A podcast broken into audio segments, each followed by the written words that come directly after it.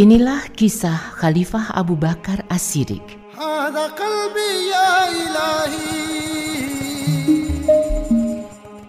Suatu kali, Abu Bakar berdiri di atas mimbar. Setelah memuji Allah dan membaca salawat beserta salam, dia berkata, Wahai manusia, sesungguhnya orang yang paling sengsara di dunia dan akhirat adalah para raja. Orang-orang melongo karena merasa heran dengan ungkapan ini, mereka saling memandang dan bertanya satu sama lain.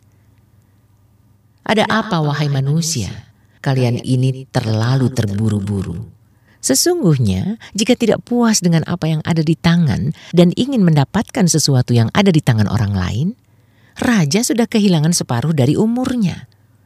Dia termasuk orang yang patut dikasihani, orang yang dengki terhadap sesuatu yang sedikit, marah dengan sesuatu yang banyak, putus asa dengan kebahagiaan dan sudah tidak dapat merasakan kenikmatan hidup.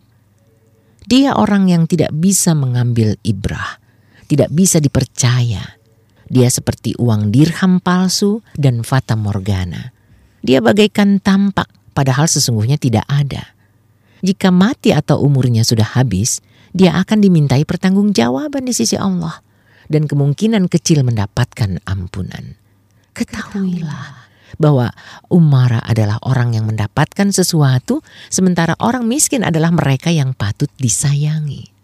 Ketahuilah bahwa kalian saat ini berada dalam khilafah nubuah, pemimpin yang memberi petunjuk. Setelah aku, kelak kalian akan melihat para raja yang diktator, raja yang durjana, umat yang terpecah belah, darah yang mengalir, kebatilan merajalela, sementara kebenaran tersembunyi dan sunnah Nabi dimatikan.